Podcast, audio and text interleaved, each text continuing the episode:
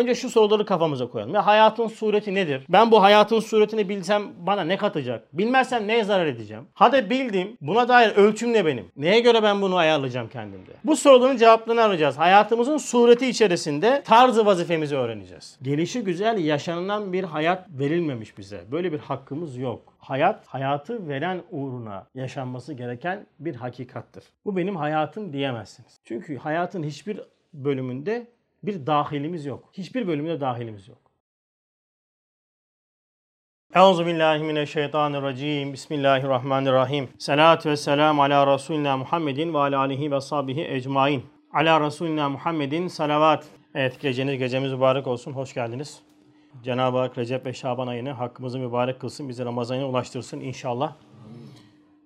Evet konumuz hayat kelimemiz ve sözümüz. Hayat kelimem ve sözün başlığında dünkü mütalamızdaki bir cümle üzerinden elhamdülillah bir ders nasip oldu. Aslında dersim hazırdı ama e, ne güzel hazır dersi okuyacaktım.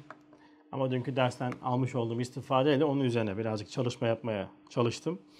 Şimdi özellikle son bir buçuk seneden beri kendi dünyamda Kur'an'ı anlamak adına Risale-i eserlerini okuyoruz hep beraberce. Mütalaa müzakere yapıyoruz ve e, benim dünyamda böyle bir ufkumu açan bir formül var. O da insandan ve İslam'a, insandan İslam'a geçiş diye.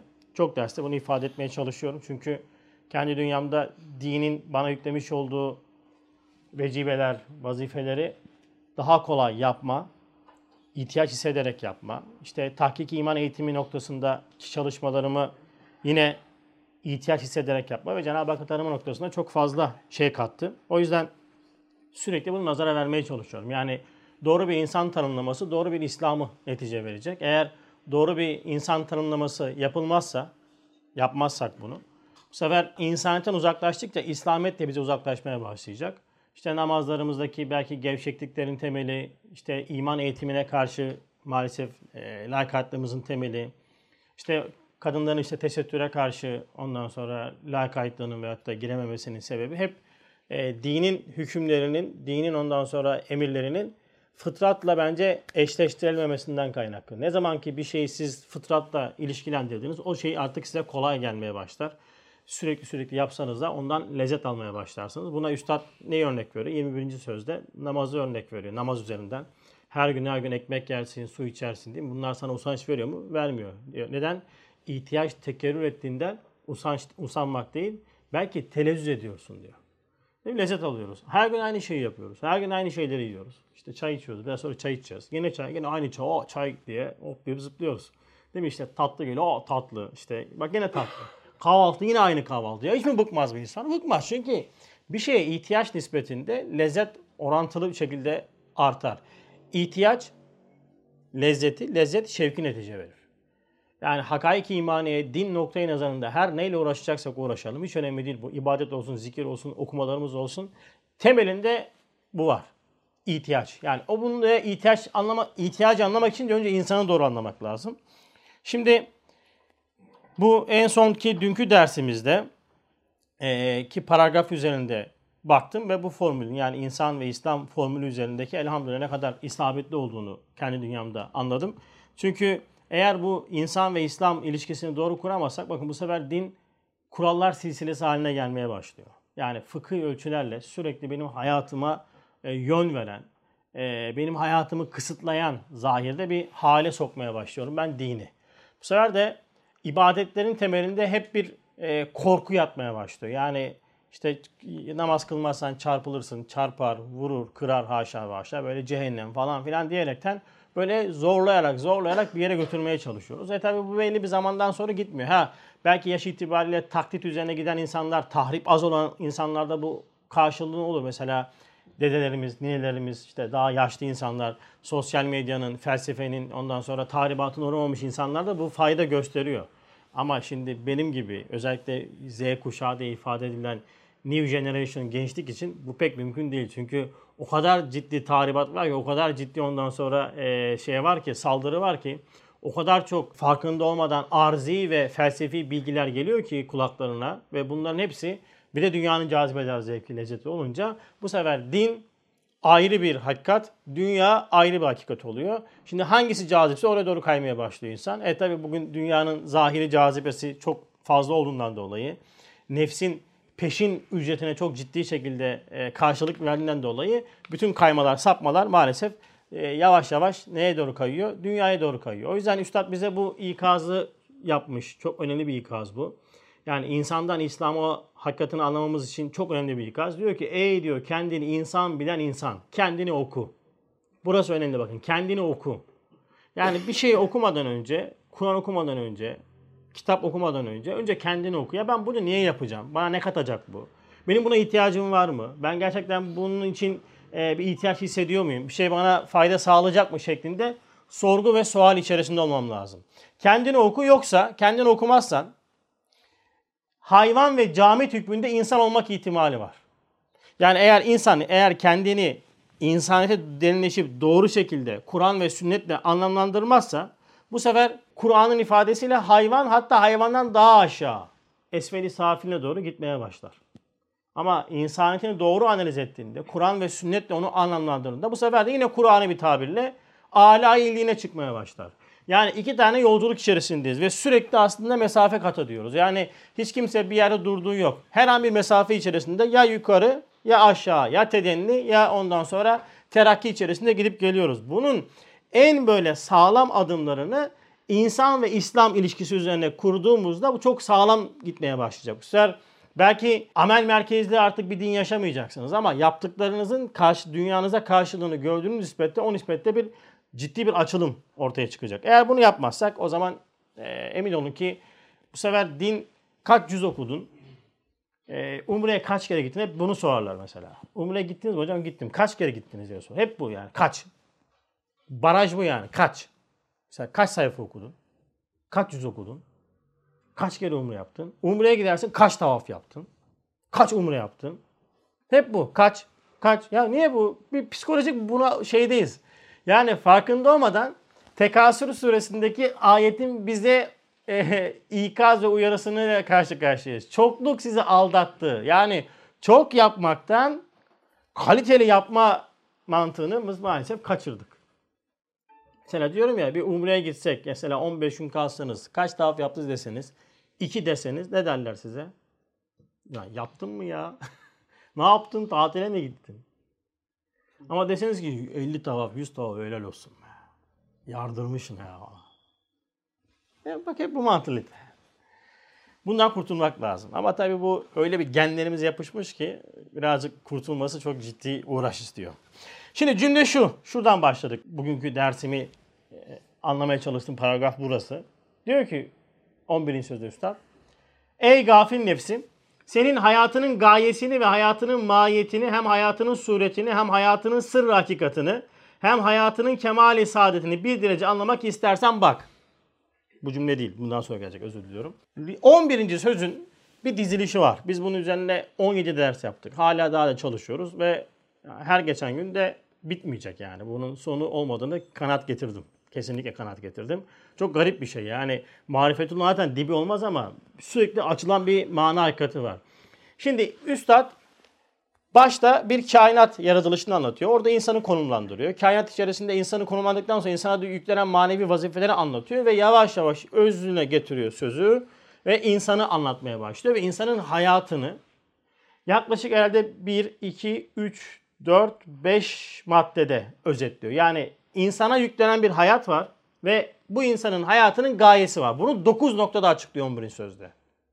Ondan sonra bir de hayatının mahiyeti var diyor insana. Yani sen öyle hayatın basit bir hayat değil. Yani hayvan gibi yaşayamazsın diyor bil. Hayatının bir mahiyeti var. Sonra bir de hayatının diyor sureti var. O suret içerisinde senin bir de vazifen de var. Bitti mi bitmedi. Daha da derine indiğinde senin bir e, hayatının sırrı hakikati var. Daha da derine iniyorsun.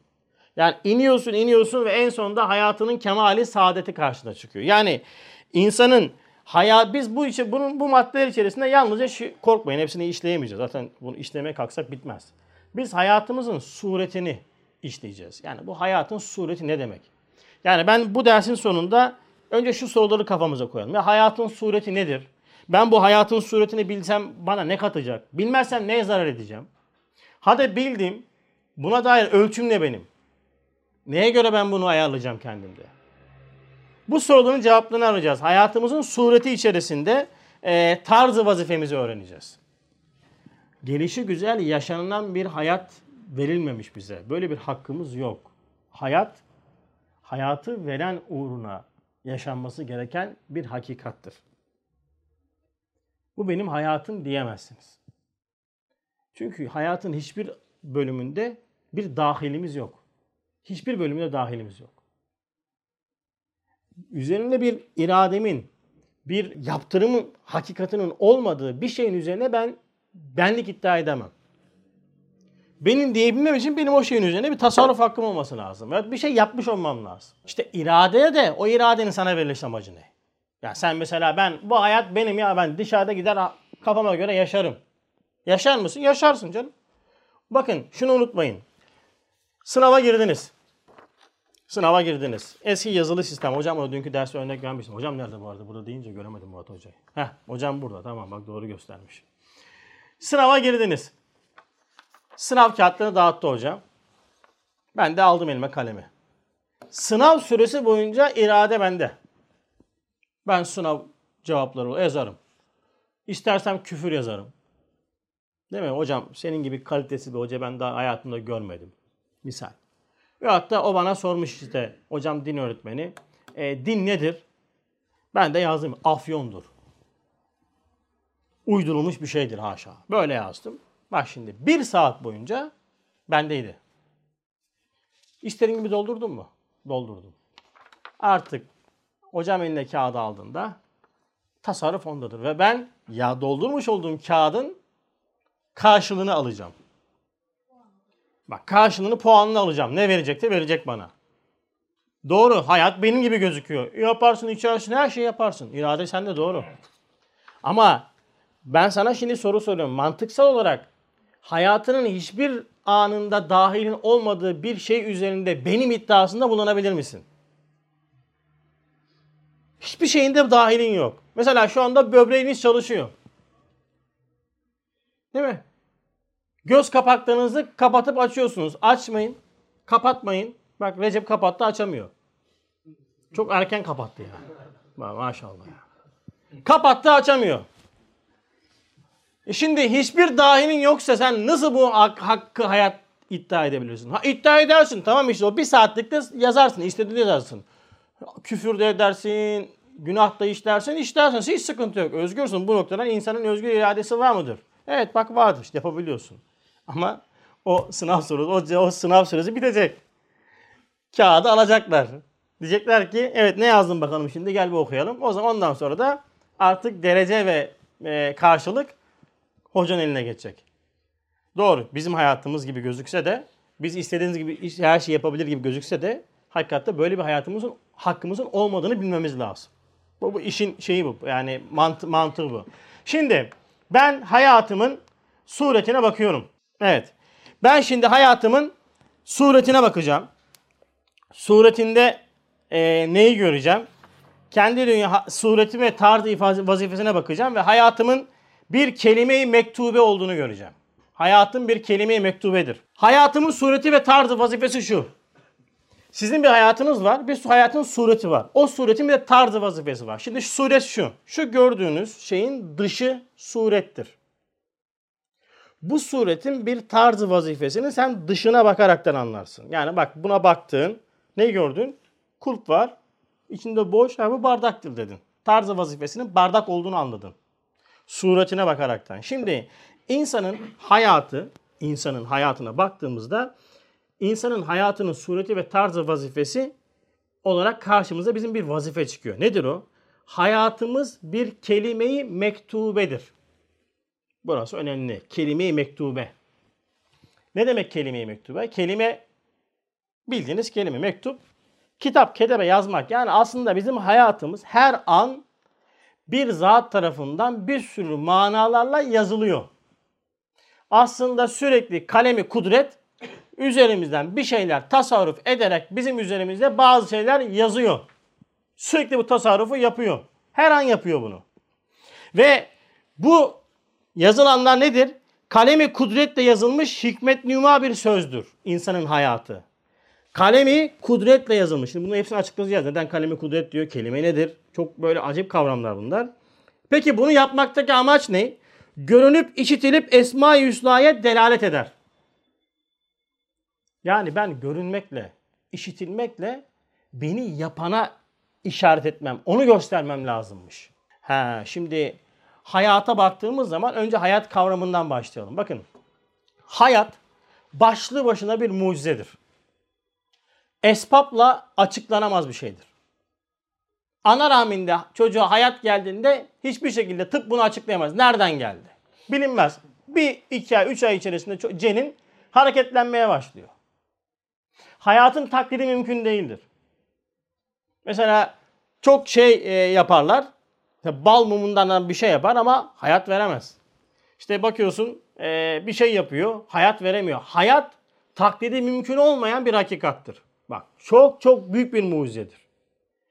Üstad 30. lemada 29 tane hususiyet sayıyor hayatla ilgili. 29 tane hususiyet sayıyor. Özellikle bir tanesi var ki burası önemli.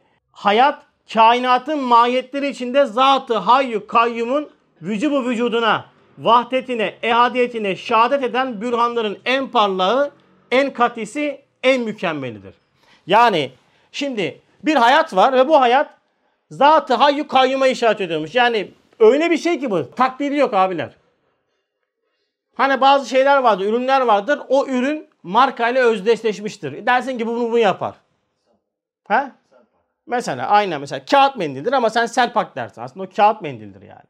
Biz Selpak markadır. Marka e, mendilin önüne geçmiştir. Sen markete işte kuru yemişe gidin diyorsun Selpak ver diyorsun bana. Kimse kağıt mendil diyeniz var mı aranızda? Yok. Evet. Onu biz bilmiyoruz. Sen çok e, new generation'dan örnek yani. Yapıştırıcı mı? Ha, pirit mesela. Evet, bu gibi. Ne yaparsın? Sen artık dersin ya bu budur. Şimdi hayat denen bir hakikat var. Bu, bu hayat denen hakikati özellikle bu teknoloji çağında bile hala taklidini yapan olmamış. Olmuyor. Olamaz. Bu neyin göstergesidir? Bu hayat hay olan yani kendi hayatlı olan bir zatın aynı zamanda kayyum olan, o hayatı devam ettirecek olan bir zatın vücubu vücuduna, onun varlığına, vahdetine, ihadetine işaret ediyor. Şimdi bir nokta daha var. Hayat diyor üstad, inkisam kabul etmez bir küldür. Yani mesela şuradaki ışık bir bütündür. Herkes ışığı görüyor. Işığı ayırmak mümkün mü? İmkansız. Şu anda ışığı ayıramazsınız. Hayat bütün varlık içerisinde topyekun bir hakikattır. İşte bütün bu topyekun hakikat içerisinde, o hayat içerisinde hayatı benlik şuuruyla anlamlandıran yegane varlık insandır. İnek, affedersiniz, hayat içerisinde kendi hayatını bilmez. Bir şeyler yapar ama ne yaptığını bilmez. Çiçek, bitkiler aynı şekilde. Fakat insan böyle değil. İnsan o bütün içerisinde o bütünden bir parçayı alıp hayatım diyebilecek seviyeye indirir. Yani hayat bütünüyle Cenab-ı Hakk'ın vahdetine, vahidiyetine işaretken ben o bütün içerisinde bir bölümü alıyorum. Hayatım diyerekten Cenab-ı Hakk'ı ehadiyetiyle tanımaya başlıyorum. Bak iki tane kavram söyledim. Önemli kavramlar bunlar. Biliyorum ders ağır ama idare edin. Yani anlamaya çalışın. Ee, en azından sonları anladığınız zaman çok şey öğreneceksiniz. Emin olun. Bu kavramlar belki zor olabilir ama bir vahidiyet var. Yani Cenab-ı Hakk'ın her şeyi yapması onun vahidiyetini gösterir. Bir de Cenab-ı Hak onu her şeyi yaparken bireysel olaraktan da varlıklar üzerinde o şeyin tasarrufatını ayrı ayrı göstermesi ehadiyetini gösterir. Buna bir misal Üstad ne öyle veriyor? Güneş. Güneşin bütün e, deniz üzerinde gözükmesi vahidiyeti gösterir. Her bir e, deniz e, damlasında güneşin ışıkçığını görmen ehadiyeti gösterir. Bütün insanların yaratılışı vahidiyeti gösterir. Hepimizin ayrı ayrı tek tek bireysel olarak farklı farklı yaratılma, yaratılmamış ehadiyeti gösterir. Anladınız mı? Cenab-ı Hak vahidiyetiyle kendi birliğini gösterdiği gibi tek tek bireysel olarak herkeste, her şeyde ayrı ayrı tasarruf ederekten ehadiyetiyle kendini gösterir. O yüzden e, taklit mümkün değildir. Mesela şimdi Bu da eşarpçılar çok fazla. Eşarpçılarla örnek vereyim. Gerçi artık eşarpçılar azalmaya başladı. Gitgide emlakçılığa doğru kaymaya başlıyoruz ama ben de örnekleri biraz oraya doğru kaydırmam lazım gibi geliyor. Azalmaya başladı bizim eşarpçılar. Aynen öyle. Yine de ben, ben de bir eşarpçı olduğumdan dolayı ve eşarp etiketi yaptığımdan dolayı oradan yürümeyi ta- te- tercih ediyorum. En azından belki müşteri çıkar. Bir iki etiket yapan çıkar. Yolumuzu buluruz. Şimdi bir ürün var. Alıyorsun kalıbı belli. Alıyorsun basıyorsun şık şık şık şık şık 5000. Değil mi Ah- Ahmet hocam? Ahmet abi bilir. 5000 tane aynı. Renk aynı. Yani bozukları çıkarırsan arada renk aynı, çizim aynı. Cenab-ı Hak şu anda 8 milyar insan yaratmış. 8 milyar nüfus var dünyanın ortalama. 8 milyar insanın hepsinin hep bütün içine vahidiyet gösteriyor. Cenab-ı Hak diyor ki bütün insanları yaratan benim. Şimdi sen oradan bir hırsızlık yapmak için başvuracaksın. Lan tamam da işte Muhammed hocamı başkası yapmış olabilir mi? Diyor ki bütün içerisinde her birisinin her birisinin ayrı ayrı yaratılışıyla ben diyor yine kendimi sana tanıtacağım. Bakıyorsun göz aynı yerde ama herkesin gözü farklı. Parmak izi aynı yerde ama herkesin parmak izi farklı. İşte saçlar aynı gibi gözüküyor fakat herkesin saç teni işte kılı vesaire DNA'sı farklı. Şimdi bakın bütün bu birlik içerisinde bireysel birlikler de var. İşte buna biz ehadiyet diyoruz. Şimdi ben hayatımla neyi gösteriyorum? Hayatım haline getiriyorum. Bütün hayat hakikatini alıyorum benlik şuuruyla fert olarak hayatım diyerekten o bütün hayat hakikatinin içerisinde hayatımla Cenab-ı Hakk'ın ehadiyetini tanımaya başlıyorum. Ehadiyetle Cenab-ı Hak bana kendini tanıtmaya başlıyor. Şimdi burası tabii tehlikeli. Çünkü insan hayat şey, hakikatini kendine indirdiğinde şimdi ilerleyen ders biraz bölümlere geleceğiz. Bu tabii büyük bir problem açıyor başımıza. Ama önce bütün hayat içerisinde hayatım diyerek hayatı kendimize aldık mı? Aldık. Şimdi benim ikinci adımım hayatın bir kelime-i mektubeymiş.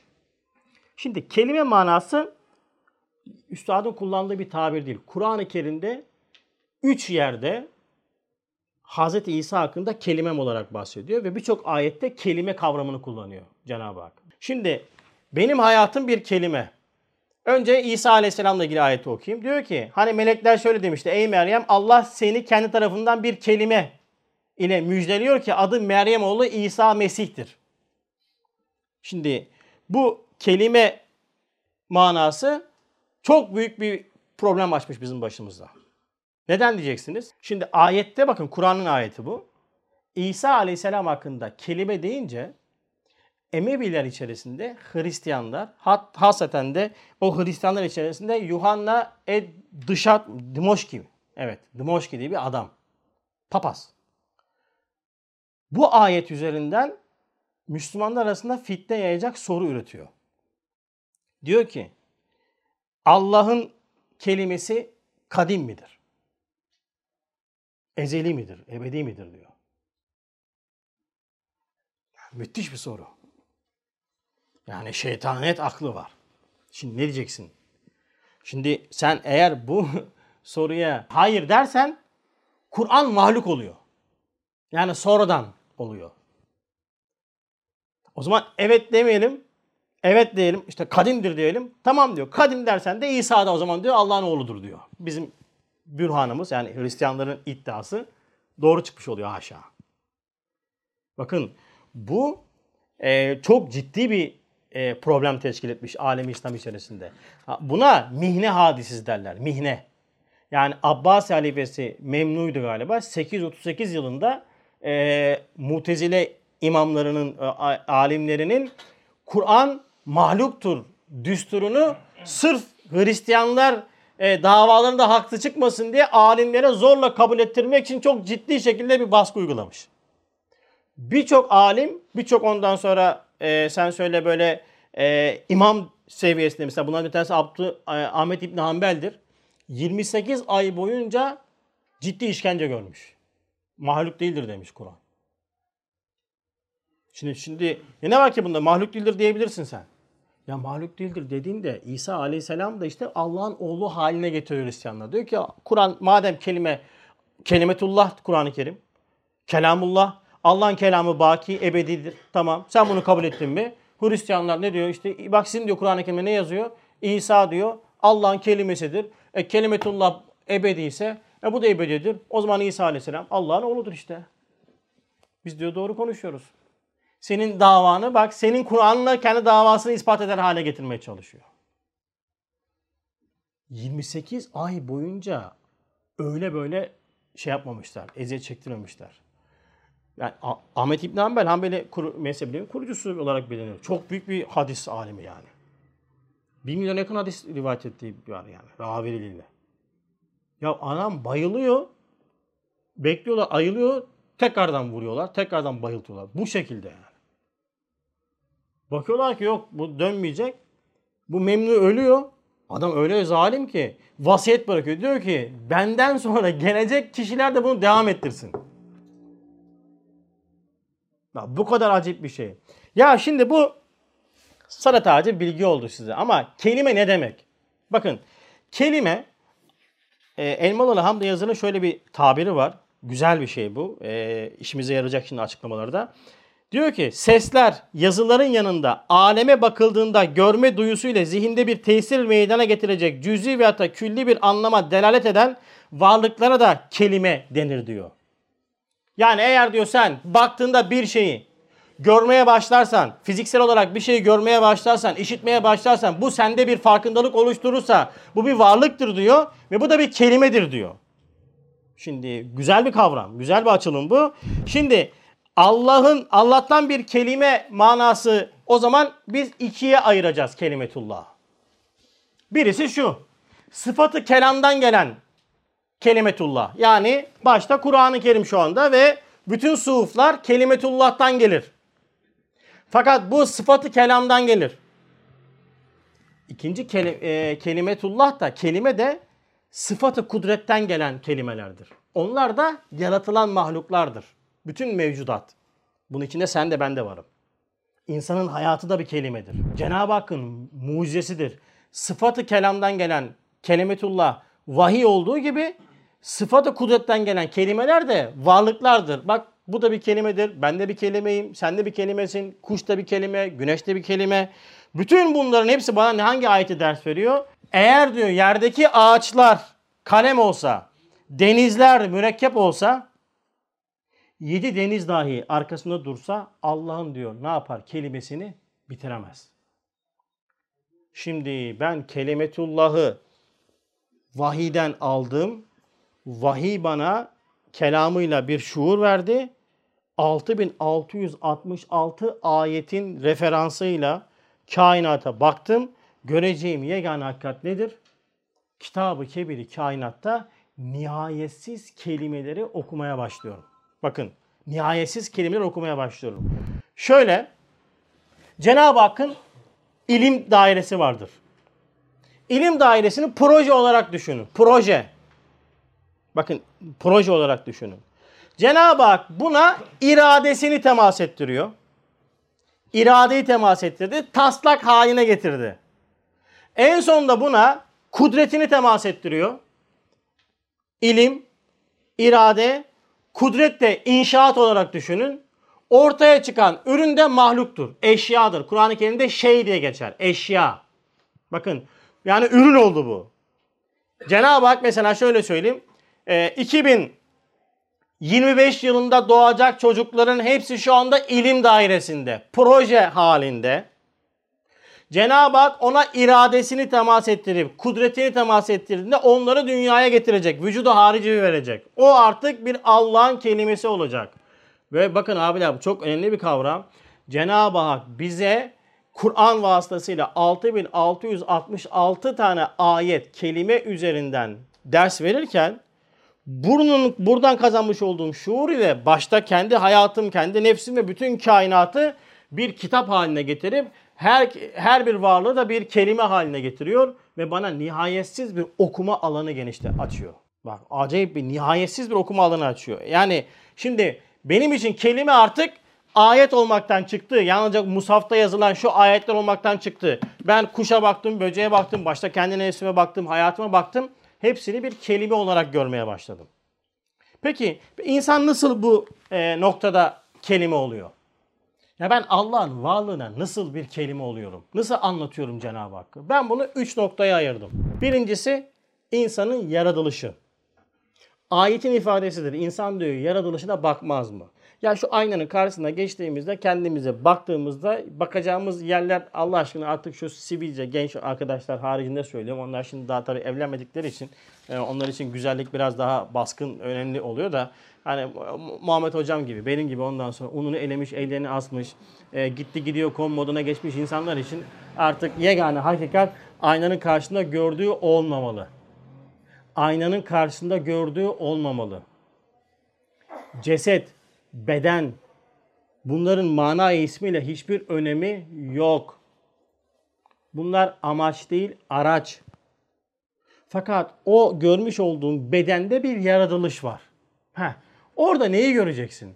Oraya baktığında işte eğer kelime okuyacaksan Cenab-ı Hakk'ın esmalarını göreceksin. Halık, Mucid, Mubdi, Fettah, Muhi gibi. Cenab-ı Hak sana yara, yara, seni yaratmış, icat etmiş. Ondan sonra Fettah esma, esmasıyla farklı sima vermiş. İşte sana hayat vermiş.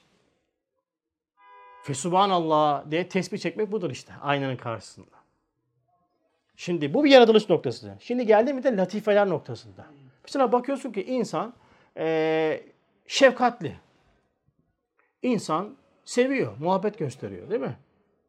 Bunlar nereden gelmiş sana? İşte bak bütün bunların da latifeler, duygular seviyesinde sende Cenab-ı Hakk'ın Rahim, Kerim, mesela bazen darlanıyorsun, kabz hali var değil mi? Kabit esması. Bazen genişliyorsun, basit esması var. Bazen seviyorsun, Vehhab esmasını gösteriyor. Yaratılışınla Cenab-ı Hakk'ı gösterdiğin gibi kelimelerle bu sefer latifelerin de Cenab-ı Hakk'ı göstermeye başlıyorsun. Bir de geliyorsun fiiller noktası ki bu çok önemli. Senin görmen Cenab-ı Hakk'ın semi esmasıyla, senin işte e, özür diliyorum basir esmasıyla, senin işitmen Cenab-ı Hakk'ın semi esmasıyla, işte senin ayakta durman Cenab-ı Hakk'ın kayyum esmasıyla, senin hafızan hafiz esmasıyla, sende gözüken kuvvet Cenab-ı Hakk'ın kadir esmasıyla vücuda geliyor. Bak ne oldu? Latifelerin de, yaratılışın da, fiillerin de Allah'ın kelimesi haline geldin. Allah'ın kelimesi haline geliyorsun. Hayatın bir kelime ve sen bütün bunları ne yapıyorsun? Bunları okumaya başlıyorsun. Bakın üstadın hayatı içerisinde her anda bu manayı bize sürekli Risale'de ders vermiş. Mesela hayatını bakın nasıl anlamlanıyor. Diyor ki hayatın diyor hakiki hukukuna baktım ki hayatım Rabbani bir mektuptur. Benim hayatım demiyor mesela bak. Diyor ki Rabbani bir mektuptur. Yani Rabbim bu hayat üzerinden bu hayat üzerinden bir mektup yazıyor. Bir şeyler söylüyor. Kime peki gösteriyor bunu? Kardeşlerim olan zişur mahlukata kendini okutturuyor. Bizi kim okuyormuş? Zişur mahluklar. Aha, abiler, meleklerin, ruhanilerin ve cinnilerin hayran olduğu yegane varlık insandır. Hayranlıkla izledikleri yegane varlık insandır. Bak vallahi. Ha biz o mertebede miyiz? Değiliz. Ben yani kendi nefsim adına siz tenzih edeyim. Değiliz. O mertebede bir hayat yaşıyor muyuz? Hayır. Ama insan böyledir. Yani mesela Efendimiz Aleyhisselatü Vesselam'ın makamı böyledir. Ashab-ı kiramın makamı böyledir. Hazreti Osman'dan meleklerin haya etmesini böyle olarak algılayın. Hazreti Ömer radıyallahu anh'dan şeytanların korkmasını böyle algılayın. İnsan her noktadan acayip bir hilkattir ve zişura okutturur. Cenab-ı Hakk'ın bakın e, projesi insandır. Cenab-ı Hakk'ın en büyük projesi insandır. Çok deriz değil mi? Mesela e, bu adam proje mi falan diye. Özellikle şimdi bu e, seçim zamanlarında çok böyle e, özellikle böyle kaotik şeylere hayran olan tiplerin şeyi var. İşte bu adam proje, bunlar proje, onlar proje, bunlar proje. Sen de projesin derim bir tanesine biliyor musun? Ne diyorsun sen ya? Sen de projesin. Hepimiz projeyiz ya. Cenab-ı Hakk'ın hepimiz üzerinde bir projesi var. Bir takdiri var, bir kastı var, bir iadesi var. O projeyi gerçekleştirirsek ahseni takvim, gerçekleştiremezsek esfeli safiline gideceğiz. Hepimiz birer projeyiz yani. Bu proje öyle proje ki işte meleklere secde ettirmesinin bir veçi budur. Meleklerin bizim gerimizde kalmasının bir veçi budur. Zişur'u okutturduğumuz yönümüz var. Kardeşlerim olan zişur mahlukata kendini okutturur, yaratanını bildirir, bir mütalagahtır. Yaratanı bildirir bir mütalagahtır. Hem Halik'imin kemalatını teşhir eden bir ilannameliktir. Ha demek ki benim amacım neymiş? Benim amacım kendimi ilan etmek değil. Benim amacım, benim gayem Cenab-ı Hakk'ı tanıtmak, onu ilan etmek. Şimdi burası önemli. Şimdi insanın vazifesi buyken eğer insan Allah'ın ahlakıyla ahlaklanma dediğimiz bir hakikati anlarken aç, fark, noksan, kusur zeminini ortadan kaldırdığı zaman bu sefer kendinde gözüken kemalatları, hakikatları kendi nefsine almaya başlıyor. Mesela cömertlik, sevmek, yardımseverlik, değil mi? Şefkat. Bak bunların hepsi insanda gözüken hakikatlardır ve insan bunları kuşandığı zaman, bunların e, bunları yaptığı zaman Allah'ın ahlakıyla ahlaklanır mı? Evet, zahirde öyledir. Ama hakikatte bunun böyle olabilmesi için insanın altta zemin koyması lazım. O da insanın acizi, farklı noksanı ve kusurudur. Eğer insan bunu kendinde görmezse, bu sefer ben şefkatliyim, ben yardımseverim, ben iyiyim, ben cömertim, ben bunu yaparım, ben şunu yaparım, böyle böyle böyle böyle diye diye diye diye farkında olmadan ilahlık taslamaya başlar. Bakın ilahlık taslamaya başlar. Benim mahiyetim bir zatı göstermek, benim vazifem suretimle, hayatımın tarzı vazifesiyle bir zatı ders vermek olması gerekirken ben bende gözükenlerle farkında olmadan kendimi ilan eder hale gelmeye başlıyorum. Çokça karşılaştığımız ve yaşadığımız durumdur bu. Yani insanın yaratılış gayesi, tarzı suretini anlaması bunun üzerine yoğunlaşması lazım. Peygamber Efendimizin aleyhissalatü vesselamın hayatının en büyük gayesi işte bu tarzı hayatının vazifesini sürekli bunu göstermesi. Hep Cenab-ı Hakk'ı göstermek. Sünnet-i seniyenin bakın temelinde bu vardır. Sünnet-i seniye bizatihi her şeyle Cenab-ı Hakk'ı gösterme e, formatıdır. Kendini anlatma değil. Cenab-ı Hakk'ı gösterme formatıdır. Bakın Peygamber Efendimizin aleyhissalatü vesselamın yegane hayatının gayesi bu olmuş. Bunu nereden çıkartıyorum? Bakın cümle şu. Gel bak.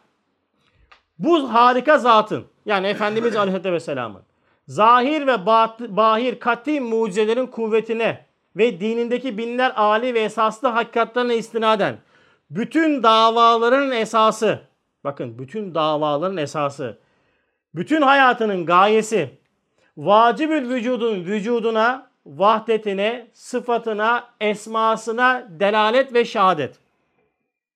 Ya Peygamber Efendimiz ne yapmış dediniz de abiler. Peygamber Efendimiz sallallahu aleyhi ve sellemin hayatının davası, gayesi bu olmuş. O zatı göstermek, o, o zatın vacibül vücudunu göstermek, onu işaret etmek. Her şeyle onu işaret ediyor. Her fiili onu işaret ediyor. Her yaptığıyla onu gösteriyor. Başka gayesi olmamış. Ve Yetiyor mu yetmiyor bakın sıfatına, esmasına delalet ve şehadet ve o vacib bir vücudu ispat ve ilan ve ilam etmektir. Şimdi şöyle formülize edeceğiz şunu. Sünnet-i seniye dair bir mesele duydunuz. Mesela şöyle söyleyeyim. Peygamber Efendimiz aleyhissalatü vesselam suyu üç kere de içer. Hatta birazdan bir şey örnek vereyim. Hepimizin bildiği bir örnek daha böyle şey olsun. Mesela diş fırçalaması. Bir sünnet-i seniye. Değil mi? Misvakla diş fırçalıyor bize tavsiye etmiş. Şimdi burada önemli olan nedir? Burada önemli olan o misvakla dişi fırçalamanın daha da üstünde. Misvakla siz dişinizi fırçalarsanız Peygamber Efendimiz'i aklınıza getirdiğiniz için dolayısıyla şeriat sahibini aklına getiriyorsunuz ve bir fazilet, bir nur alırsınız. Fakat o hakikat içerisinde acayip külli bir hakikat var ki eğer o kanalı yakaladığımızda işte o o amel çok katmerli bir salih amel olur. Peki o nasıl olacak? Ben Peygamber Efendimiz sallallahu aleyhi ve sellem bir şey duydum mu? Benim odaklanacağım yegane nokta o şeyin sureti değil. Ne yapacağım? Bu zatın hayatının sureti tarzı vazifesi nedir? Esmaya aynedarlıktır. Bak ne dedik burada? Bu zatın bütün gayesi vacib bir vücudun vücuduna vahdetine değil mi? Sıfatına, esmasına delalet ve şehadet etmektir ve onu ispat, ilan ve ilan etmektir. Şimdi ben bu diş fırçalama fiilinden nasıl esma vasıtasıyla Cenab-ı Hakk'a ulaşırım onu bulacağım. Ya zordur bu. Bize kolay geliyor. Al eline misvağı şak şak şak şak bırak. Şak şak şak bırak bu kadar. Kullandım yaptım yaptım yaptım. Tamam. Yani hala şöyle şu moddaysanız zaten uğraşmayın böyle. Bu derslere falan da gelmeyin. Gidin camide sohbet dinleyin. iki menkıbe dinleyin. Ondan sonra e, zikir çekin. Yolunuza bakın. Bu, bu dersler şey değil. Yani işinize gelmez yani gerçekten. Ne beni siz yorun ne siz kendiniz yorulun. E, bu değil yani. Burada bunu bulamayacağınız. Size Efendimiz sallallahu aleyhi ve sellemin hayatının temel gayesini anlatıyoruz burada. Misvak kullanmak, koku sürmek, gusül abdesti ama bunlar adab kısmından gusül değil de yani gusül farz da şey olaraktan yani e, işte misvak kullanmak, koku sürmek gibi şeyler adab nevinden sünnetlerdir. Bu adab nevinden sünnetlerin bile içerisinde Efendimiz sallallahu aleyhi ve hayatının temel gayesi vardır. Bu zat işi gücü Allah'a anlatmak. Başka yok. Ne yapacaksın? Ne edeceksin? Bulacaksın. Bunu bulacaksın. Buna kafa yoracaksın. Bunu yapacaksın. Ama bu saat bunu yaparken hangi esmaya, hangi şeyi işaret ediyor? Nasıl vacibil vücudu bu da gösteriyor? İşte sen diş fırçalayacaksın. Diş fırçalamak sünnet. Misva aldın. Misva işte böyle tutmak mıdır, böyle yapmak mıdır? Bunları da öğrendin. Çok kolaydır bunlar. Hatta bunlara takılmamak da lazım söyleyeyim. Mesela sen misva böyle tutarsan, şu manayı yakalarsan derler ki helal olsun öyle tutsan devam et. Böyle tuttun, yaptın, ne yaptın? Yani burada ben bu fili ne yapıyorum? Ben bunu şimdi dişlerimi fırçalıyorum. Peygamber Efendimiz sallallahu aleyhi ve sellem bunu söylemiş. E ben buradan şimdi Cenab-ı Hakk'ın vahdetine, sıfatına, esmasına nasıl giderim? Ya ben niye diş fırçalıyorum? Çünkü ben mahlukum. Benim dişlerim kirleniyor. Bu benim kusurum. Bak ben mahlukum. Bu benim kusurum. Dişlerimi fırçalayaraktan o kusurumu ne yapıyorum? Kusur noktasında Cenab-ı Hakk'a teveccüh ederek onun kusursuzluğunu anlıyorum. Ya Rab diyorum ki ben kusurluyum bak kirleniyorum. Sen subhansın. Sen subhansın, sen kusursuzsun, sen noksansızsın. Yıkanmak da böyledir, her şey böyledir. Bak ne yaptın? Buradan bir fiilden aldın. O fiil üzerinden kendi kusurunu gördün. Kendi kusur zemininden gittin Cenab-ı Hakk'ın kusursuzluğunu, subhaniyetini gördün.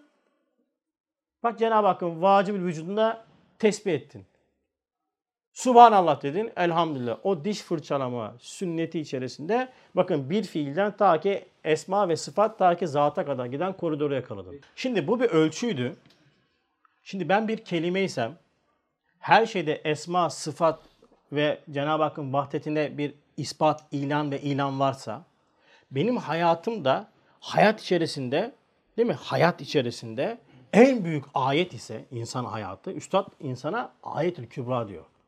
Kur'an'ın tabiriyle, Kur'an'ın tabirler bunlar yani. En büyük ayet insan. O zaman ben nasıl Cenab-ı Hakk'a Cenab Hakk'ı göstereceğim? İşte problem burada başlıyor. Bakın bende gözükenlerin bana ait olmadığını. Mesela çocuğumuzu severken ben çocuğumu çok seviyorum derken o sevginin size ait olmadığını mutlaka farkına varın. O anda bir sevgi yaratılıyor sende. Bak çok dikkat edersiniz bunu çok güzel yakalarsınız. Zor değil. Yalnızca biraz yoğunlaşmak lazım. Birazcık yoğunlaşmak lazım. Yani böyle bir şey yaparken birdenbire sizde bir şefkat uyanıyor. Hiçbir şey yokken bir şefkat uyandı sende. O anda yaratılıyor. Sende bir cömertlik o anda yaratılıyor. Durup dururken sen bir şey vermeye ihtiyacı hissediyorsun. Hani bazen bir şey yapar, niye bunu yaptın durup dururken ya mesela. Duruyorsun birdenbire bir hayvana bakıyorsun, birden bir seviniyorsun, bir şey seviyorsun, okşuyorsun. Bunlar sende her an yaratılıyor. Bunlar sende her an yaratılıyorsa bunlar sana ait değil. İşte bak hayat kelimende Cenab-ı Hak sende esmasını gösteriyor, sıfatını gösteriyor. Yani aa bak böyle olunca ne oluyor biliyor musunuz?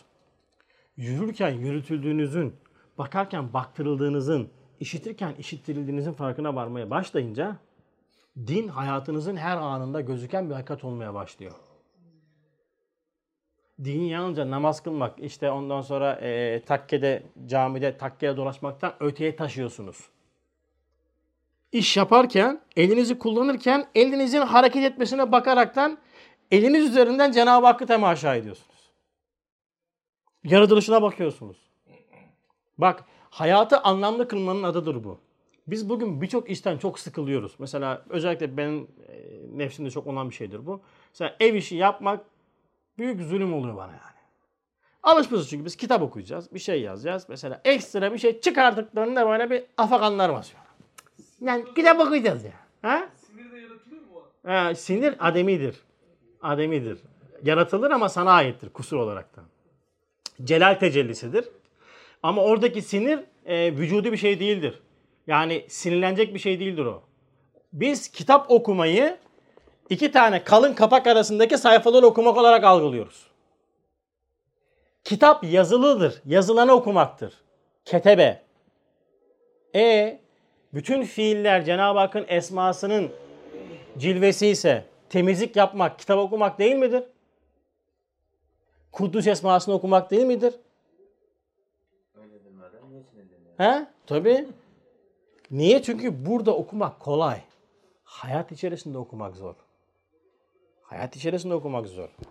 Geçen ben bir hastane hadisem vardı. Beni şöyle bir saat temaşa ederdiniz görürdünüz yani. O kadar zor ki hayat içerisinde bunu okumak. Bize ver kitap okuyayım. Çünkü tatbikat sahası yok ya. Burada okuyorsun böyle elhamdülillah. Hey hey coşuyorsun. Kimse de kuyruğuna basmıyor. Alim de sensin, değil mi? Ondan sonra üstad da sensin. Hayat içine girince, hayat içerisinde okuyabiliyor musun? İşte odur okumak. odur okumak. Ya biz de ben kitap okuyayım daha iyi. E tabii insanın da hoşuna gidiyor. Yani kitap okumak daha kolay olduğundan dolayı. Ama hayattan koparttığımız bir hakikat bize bir şey katmıyor. Çalışmak da ibadettir. Ya işte bak çalışmak böyle ibadet olur ama.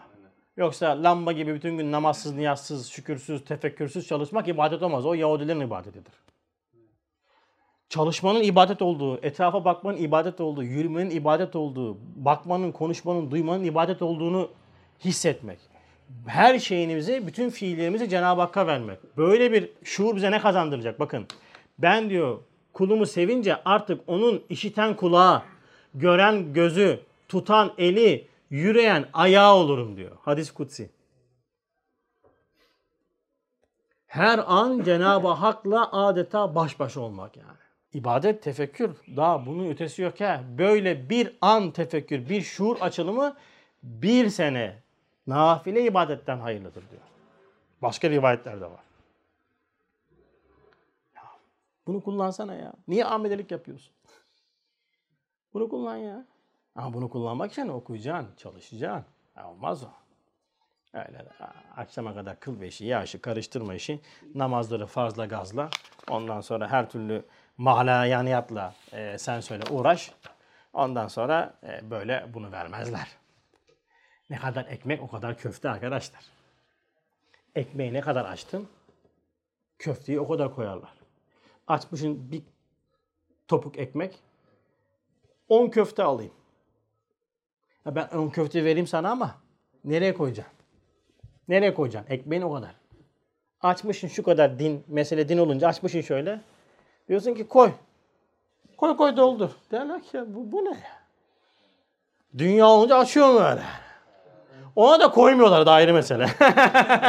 Her açana koymuyor. Çok açan ben biliyorum. Onu açmış böyle avucunu açmış, şeyini açmış ama bir şey koymuyorlar. Ya zenginliği istediğime ilmi isteyene veririm diyor. Ya. Şimdi eğer bakın şu mana kaçtı mı bu sefer ne oluyor biliyor musunuz? Bakın neye gidiyor iş mesela. Bu sefer bizde gözükenleri bizden görmeye başlayıp, benden görmeye başlayıp, ben benden bilmeye başlayıp acayip bir şeye düşüyorum. Ee, Furkan suresindeki 43. ayetin e, ifade ettiği manaya düşüyorum. Bakın fıtratında tevdi edilen benim fıtratıma bir şeyler koyulmuş Cenab-ı Hak. Vedi, vedia yani emanet olarak konulmuş ve mabudu hakikinin hamd ve tesbih için ona verilen cihazat ve istidadı Cenab-ı Hak bunları bana verdi.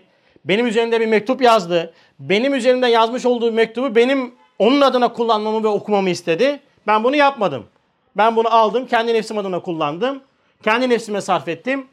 Menittehaza ilahu hevahu. Yani nefsinin arzusunu kendine mabut edinen kimse. Sırrına mazhar olur. Kendini görür. Kendine güvenir. Kendini beğenir. Bak.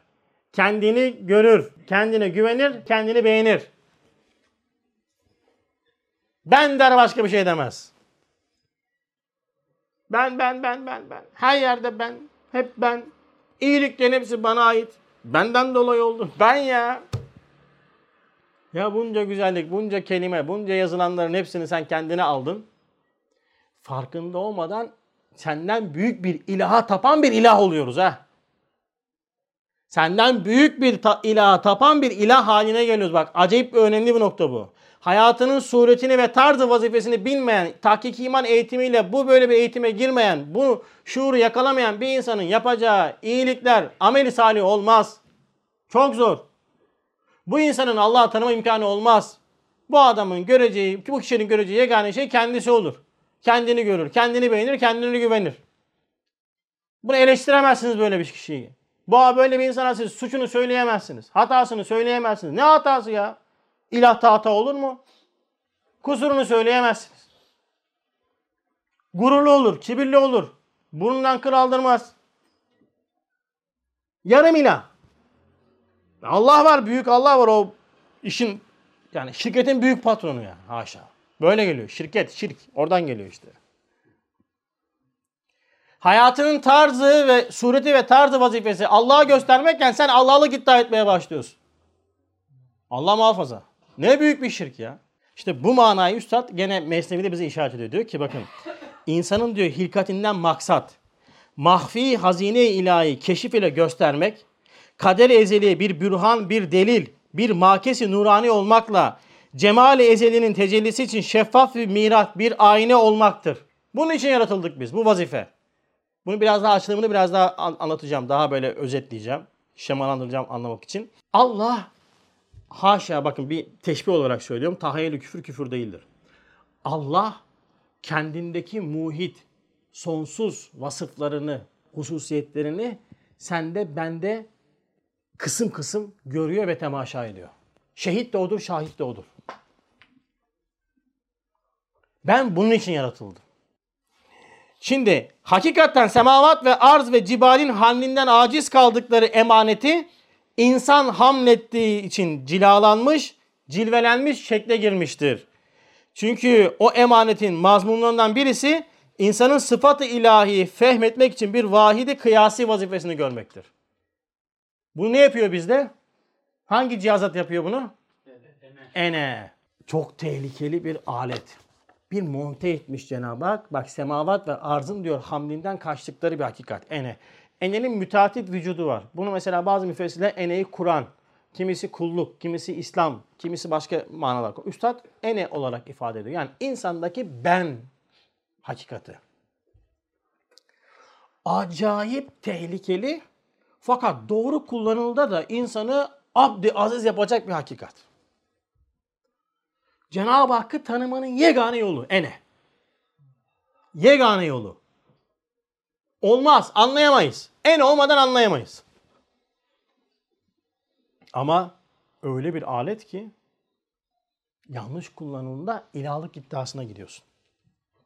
Ve insanlık aleminde bunu kullanıp ilahlık dava eden her cenahtan birçok insan çıkmış. Firavun, Şeddat mesela değil mi? Fikir boyutunda bakıyorsun işte ondan sonra felsefecilerin birçoğu. Bak hepsi enaniyetin değişik vücutlarını yanlış kullanaraktan benlik davasıyla ilahlık dava etmeye başlamışlar. Mesela en yakın bildiğimiz isimlerinden İbn Sina. İnsanın diyor gayesi Cenab-ı Hakk'a benzemektir diyor. Teşebbübül vacip. Allah razı olsun. Bak teşebbübül vacip olacak diyor. İnsan Allah'a benzeyecek. O öyle bir format var. Bak bunlarla işte İbn Sina'ya İmam Gazali iman nazarıyla bakmamış yani. Üstad en düşük mümin derecesini veriyor. Ya çok tehlikeli bir şey. E o zaman niye verdik o zaman bunu bize? Doğru kullanacaksın, doğru analiz edeceksin, doğru anlamlandıracaksın. Peki enenin tanımı nedir? Şimdi enenin tanımını yapacağız. Ene, künuzu mahfi olan esma ilahinin anahtarı olduğu gibi ene, künuzu mahfiye, gizli hazineler olan esma ilahinin anahtarı olduğu gibi. Anahtar. Anahtar hazineden daha değerlidir. Bir sandık, şöyle bir sandık düşün. Bu da altın var. Kilidi var. Anahtar mı daha değerli? Anahtar da olmadan açılmıyor. Anahtar mı daha değerli, sandık mı? Çilingir değerli abi. Efendimiz sallallahu aleyhi ve sellem yönünden. O çilingiri sana takmışlar ama Efendimizin çilingiri geçmiyor burada. Herkes kendi çilingirini, çilingirini kullanacak. Güzel bir örnek ama olmaz. Biz onu severiz. Efendimiz üstadımız Bediüzzaman Said diyorsa bırak bu işleri. Kendi anahtarını kullanacaksın kardeşim. Sen bunu kendin açacaksın. Üstadının anahtarı kendineydi. Açmış adam Allah razı olsun. Bak okuyorsun. E, Peygamber sallallahu ve sellem zaten ayrı bir şey. E, donanım ve işte o ayrı. Sen senden sorumlusun. Hazineden daha değerlidir anahtar. Künuz esmai, künüz mahfiye esma ilahi çok değerlidir. Ene olmazsa sen o değerli şeyi elde edemiyorsun. Bu bir. İkincisi kainatın tılsımı muğlakının dahi anahtarı olarak bir muamma-i müşkülükşa bir tılsımı hayret fezadır. Yani üç tane tanım yaptı Ene'nin tanımı. Bir, künuzu mahfi olan Esma ilahinin anahtarı. İki, kainatın tılsımı muğlakının anahtarı. Üç, kendisi de ayrı bir muamma-i müşkülükşa, tılsımı hayret feza. Ya Ene'nin kendisi de ayrı bir problem, ayrı bir derinlik. Ya şimdi bu kadar şey bana neden verildi? Şimdi insan soruyor ya lan madem bu kadar problemli e niye verdin? Bu neye benziyor biliyor musunuz? Bakın dört şeritli bir yol düşünün. Hız sınırı, radar sınırı olmadığı bir yol düşünün. Size bir araba vermişler. Ferrari. 400-500 basıyor. Kaza riskiniz de yok. Diyorlar ki 90'la kullanacağım. 90'la kullanacaksın diyorlar. İnsan ne yap? Dayanabilir misin? Aa, Biz kediyle dayanamıyoruz ya. 150-160 başı sonra radar, radarlar geliyor arkadan. Ama o arabayı o şekilde kullandığında o arabadan daha hızlı bir hale gelip daha kaliteli bir yolculuk yapacaksın da diyecekler sana. Şimdi ene böyle bir şey. Acayip bir şey. Ama doğru kullan. Ama niye o zaman koydular bunu? Bu kadar tehlikeli bir şey. Abiler Rabbi tanımının yegane yolu enedir. Eneden hariç tanıma imkanımız yok. Neden? Bakın sual. Diyorlar ki soru. Niçin Cenab-ı Hakk'ın sıfat ve esmasının marifeti enaniyete bağlıdır? Süper soru değil mi? El cevap bakın. Çünkü mutlak ve muhit bir şeyin hududu ve nihayeti olmadığı için ona bir şekil verilmez. Sınırsız bir şeyi siz sınırlayamazsınız. E dolayısıyla varlık sahasında müşahede edemezsiniz, düşünemezsiniz. Ölçmeniz lazım. Mesela e, şey vardı neydi ya unuttum da bir belki yanlış olabilir ehli ilim düzeltsin. Pi sayısı mı ne var? Einstein'a sormuşlar demişler ki ya bu, bu niye böyle bunu kabul ediyorsun? Ve hatta şey de olabilir ışık hızının bir ölçüsü ışık hızı. Işık hızıdır doğru pi sayı. Işık hızının işte şu kadar kabul ediyorlar. Diyor, niye bunu böyle kabul ediyorsun? Bunu böyle kabul etmeyelim. Şöyle kabul etsek olmaz mı? O zaman diyor bilim yapamayız diyor. Bir şeyi ölçmek için bizim bir birim kullanmamız lazım diyor. Nihayetsiz bir kainatta bir ölçüm ve onun üzerine bilim yapmamız için diyor bir birim kabul etmemiz lazım diyor. Biz de ölçtük, biçtik, tasarladık. Yani bu bu rakam kullanabilir en doğru rakam. Mutlak doğru mu? Değil tabii ki ama bunu kabul etmezsek diyor. Hiçbir şey yapamayacağız diyor ya. Bilim çıkmayacak ortaya. Anladınız mı? Işık hızı bu kadardır. Ya iki, iki, iki, iki daha kat ya ne olacak benden olsun. İşte kaç birimse o atıyorum işte 1 milyon ışık hızı. Tamam 1 milyon 2 olsun 2 de ben katayım ya ne olacak yani. Kavgada yumruk anlaşılmaz. Hasan'ın mantığı. Yok diyor. Biz bu ışık hızını diyor bu- şekilde değer kabul etmemiz lazım. Eğer diyor bunu kabul et- etmedik mi bakın ne matematik olur ne geometri çıkar, ne ölçüm çıkar, ne biçim çıkar. Ne bir şey anlayamayız diyor biz yani. Bunu böyle kabul edeceğiz. Çünkü muhit alanı ölçemezsiniz. Muhit olan bir şey yani sınırsız olan bir şey, nihayetsiz olan bir şeyi nihayetli varlıklı olarak anlamlandırmanın yegane yolu o sınırsız nihayetsizi kendi müşahede sahanızda bir vahidi kıyasi olarak ölçüp biçmek, üzerine bir suret, bir tayin vermek, onun üzerine hüküm bina etmek için bir şey bulmanız lazım. Onu da ene yapıyor işte. Bunu en basit benim hep örnek vermiş olduğum şey şudur. Paralel ve meridyen çizgileri. Var mıdır? Nasıl yoktur ya? Ulan paralel meridyen çizgisi yoktur. Sen coğrafyadan kalırsın. Saat hesaplayamazsın. Rota çizemezsin. Konum bulamazsın. E vardır desen derler ki göster. Yok. E var mı yok mu? İşte bak bu. Var dersen var olarak kabul ediyoruz bir mutlak hakikati anlamamız için yok ama var diyeceğiz. Ene de böyle bir şey. Ya hakikati yok ama var diyeceğiz. Var gibi gözükecek. Var ama sana ait değil. O yüzden var diyeceğiz sonra vara gideceğiz. Bakacağız var mı? Evet, futboldan güzel bir örnek oldu bu da. Var ama yok. He. Şimdi değil mi? Futbol maçlarında şey yapıyorlar. El var mı, ayak var mı, penaltı var mı diyor. VAR'a gidelim. Bakıyorlar, inceliyorlar, bakıyorlar, diyorlar. Yok diyorlar. İşte hakem iptal etmişse iptal ediyor. Vermişse veriyor değil mi? Değil mi Hızır? Çok canı yandı bu sene. O yüzden dün de ne zaman benim yanıma gelse Fenerbahçe puan kaybediyor bu adam. Onu bir daha gel bana. dün gene bak kaybetmiş puan. VAR'a gidiyorlar. Bak şimdi pozisyonu inceliyor. Şimdi biz de eneyi VAR kabul edeceğiz. Önce alacağız. Diyoruz ki tamam var. Sonra alacağız Kur'an'ın tahkiki iman eğitimine gireceğiz. Bakacağız, bakacağız, bakacağız, bakacağız, bakacağız, bakacağız. Ya yokmuş ya. yokmuş. Ama var dedik. Ya öyle gözüktü. Ama bir şey anladık. Nasıl anladın? Mutlağı anladık. Baktı ki yokmuş ya. Bu mutlağın yanında bizimkisi yokmuş ya. Çok güzel oldu bu örnek ya. O derste bak Cenab-ı ilham etti. Bunu not alayım hemen. Te, şey yaparım, tefekkür diye pazarlarım yani. Bu işin yolu bu. En aniyetle biz bunu çözeceğiz abiler. Ama problemli çünkü bakın devamında geliyor ki Cenab-ı Hakk'ın ilim, kudret, hakim, rahim gibi sıfat ve esması muhitsiz, hudutsuz, şeriksiz olduğu için onlara hükmedilmez ve ne oldukları bilinmez ve hissolunmaz. Çünkü sonsuz bir şey, nihayetsiz bir şey. Peki ne yapacağım ben? Öyleyse hakiki nihayet ve hatları olmadığından farazi ve vehmi bir haddi çizmek lazım geliyor. Onu da enaniyet yapar. Yani sen ne yapıyorsun? Bu dershaneyi ben idare ediyorum. Burayı ben temizliyorum. Burayı ben yaptığım gibi Cenab-ı Hak kainatı bütün ondan sonra evreni ne yapıyor? İdare ediyor temizliyor dedim. Başlangıçta ilkokul mertebesinde bunu kabul ettim. Sonra tahkik iman eğitimine dahil oldum. Enaniyetimi var kabul ettim. Sonra vara gittim. Tahkik iman eğitimine baktım baktım. Ya ne ben idare ediyorsun. Zaten burayı da o idare ediyor. Her şeyi de o idare ediyor ama onun idareciliğini ben bu ölçücüklerle anladım. O sayıyı, o vehmi hattı çizmekle anladım. Anladınız değil mi?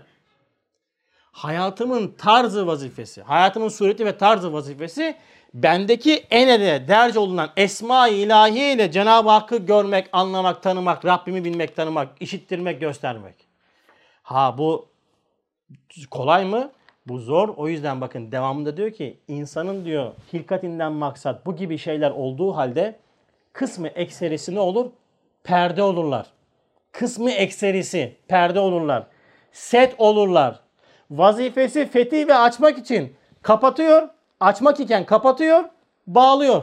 Cenab-ı Hakk'ı göstermek gerekirken, Cenab-ı Hakk'ı anlatmak gerekirken, ona aynı olmak gerekirken tam tersi kapatıyor, bağlıyor, ziya ve ışığı neşir iken söndürüyor.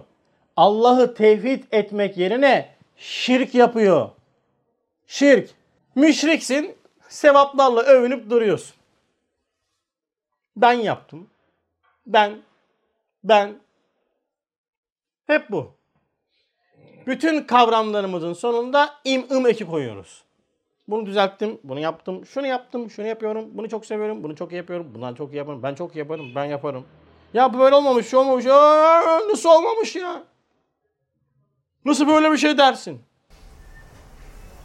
Olum- olumsuzu da şirke girer mi? Mesela benden bir şey olmaz diyor ya bazıları. Öyle bir şey olmaz. Benden bir şey olmaz değilmen için ciddi bir tahkiki iman eğitim neticesinde hayırları sahiplenme noktasında diyebilirsin. Biz onu ümitsizlik olarak söylüyoruz. Olmaz. Olur mu hiç? Olmazsa niye Allah seni yaratsın proje? Senden bir şey olmayacağını haşa Allah bilmiyor muydu da yarattı seni? Senden bir şey olacaktı. O potansiyel vardı ama sen potansiyelini harcadın. iPhone'la duvara çivi çaktın yani. Yani gittin ondan sonra Ferrari'yi tarlada kullandın yani. Şey gibi olmuyor. Tankla kuş avladın. Sende bir güzellik var diyorsun. Yok bende ne güzelliği deyince de bu sefer şeyin üstüne kapat. Aynen. Kapatıyorsun. Ya elhamdülillah. Cenab-ı Hak hamdolsun. Cenab-ı Hakk'ın cemil esmasının ondan sonra tezahürü. Çok şükür hamdolsun. Estağfurullah. Onu da sahiplenmişizdir, kirletmişizdir vesaire şeklinde. Vazifemiz buyken bakın Allah'a tevhid etmek yerine şirk yapar. Bak keza nur imanla Allah'a bakıp mülkü ona teslim etmekle itikaden mükellef iken ene rasadıyla halka bakarak Allah'ın mülkünü ona taksim ediyor. Şirkin merkezi insanda başlar. İnsan kendine vermiş olduğu tesirle kainata baktığından dolayı her şey tesir verir. İnsanın korkusunun temelinde benlik şuuru vardır. Kendinin bir şey yapma kapasitesiniz kapasitesinde olduğunu zannettiği için o zanla her şeye bir şey yapma kapasitesi ve tesir zannına girer. Temel budur. Buradan baktığında kendi aynanla müşahede etmeye başlıyoruz. Benim bu dünyadaki hayatımın sureti ve tarzı vazifesi bende gözükenlere Cenab-ı Hakk'a aydalık yapmakken ben bunu yapmıyorum. Bakın enenin doğru kullanımını şimdi anlayacağız. Şimdi doğru kullandığımız zaman da bak ne dedi bu bizim için bir kitap olacak. Bir Mana ifade edeceğiz. Nedir o? Enenin tanımını tekrar edelim. Yunus Emre iyi dinle. Künuzu mahfi olan Esma ilahinin anahtarıdır ene. İki, kainat tılsımın muğlakının anahtarıdır ene. Üç, kendisi de bir muamma-i müşkül küşa. Tılsımı hayret fezadır. Şimdi enenin insanda kullanımı enaniyettir. Mesela biz bu enaniyeti daha çok menfi manada kullanıyoruz. Enanet yapma. Enanet yapmadım eneni kullanamazsın ki. Enaniyeti ikiye ayıracaksın. 537 sözler, 81 şualar. Menfi kısmı şualar 81, müspet kısmı 537 sözler. Ene bahsinde geçiyor.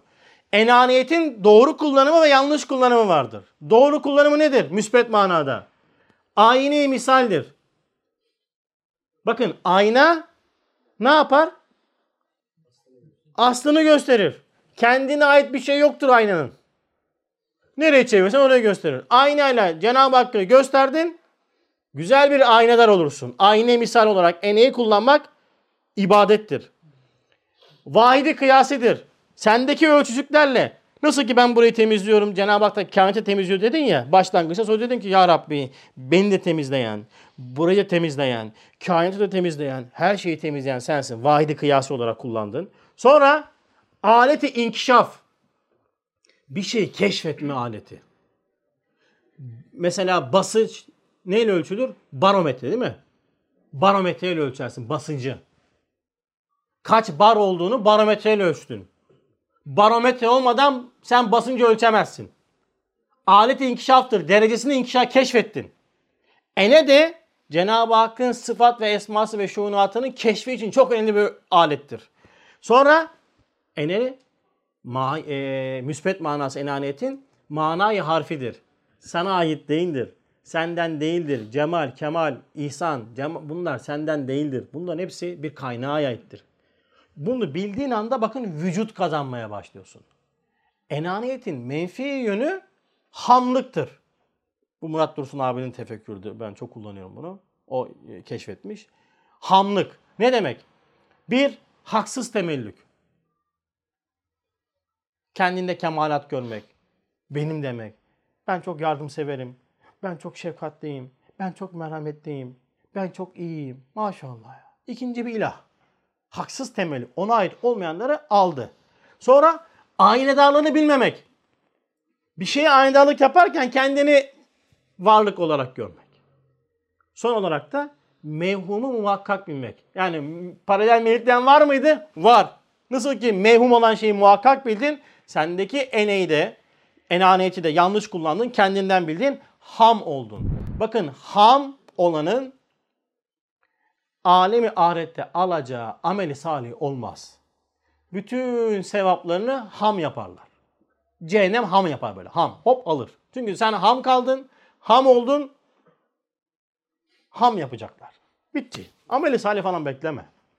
Bak net söylüyorum ha. Ya inşallah yanılırım ya. Allah inşallah beni yanılsın ya. Avam bu. Demek ki hani biz tabakayı avam derken bunu anlayan avam olur.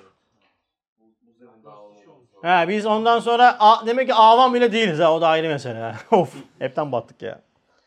Hani ne güzel bir avam diyorduk kendimize. Avam da bile değilmişiz yani. Bu enaniyetin doğru kullanımıdır. Bakın bu kullanımı yapmak zorundayız.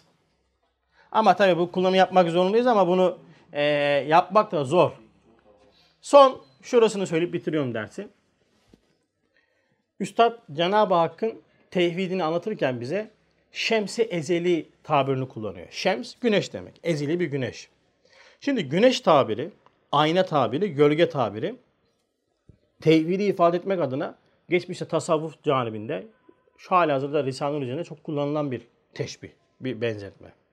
Şimdi Şems'in, Şemsi ezeli, Cenab-ı Hakk'ı tanıma noktasında hepimiz bir gayret içerisinde olmamız lazım. Tahkiki iman eğitimi bunu gerektiriyor. Din benden bunu istiyor. Yani din benden çok fazla ibadet, sevap bir şeyler istemiyor. Farzları yap. Yeter ki ilahlık taslama. İlah olduğunu zannetme. İlahlık yapma. Şirkle gelme. Hatan olur, günah olur ama şirkle gelme. Ben ben ben deyip durma. Bunu istiyor bizden. Bunun yegane yolu şems-i ezeli tanımaktır. Ama derinlemesine tanımaktır. Eğer şems-i ezeliyi tanımazsak bu sefer şems-i ezeliyi tanımayınca Şems-i Ezeli'nin önüne geçen varlıkların üzerinden gözüken gölgeleri asıl zannetmeye başlıyoruz. Gölgeyi bilirsiniz değil mi? Gölge nedir? Bir ışık kümesinden, bir ışık kaynağının önüne geçen cismin yapmış olduğu iz düşün. Bakın şu anda yansıma. Bak benim elim burada. e, bu da gölge var. Yani burada bir ışık var. Şems var. Burada ben ben ne yapıyorum? Burada gölge oluyorum. Şimdi bu gölge kendine ait bir varlığı yoktur. Kendine ait varlığı olmadığını kabul etmezse yani şemsi unutursa, güneşi unutursa problem başlıyor. Bakın biz gölgeleri inkar edemeyiz. Gölgeyi kabul edeceğiz hatırlarsınız değil mi? Ama unutmayacağız.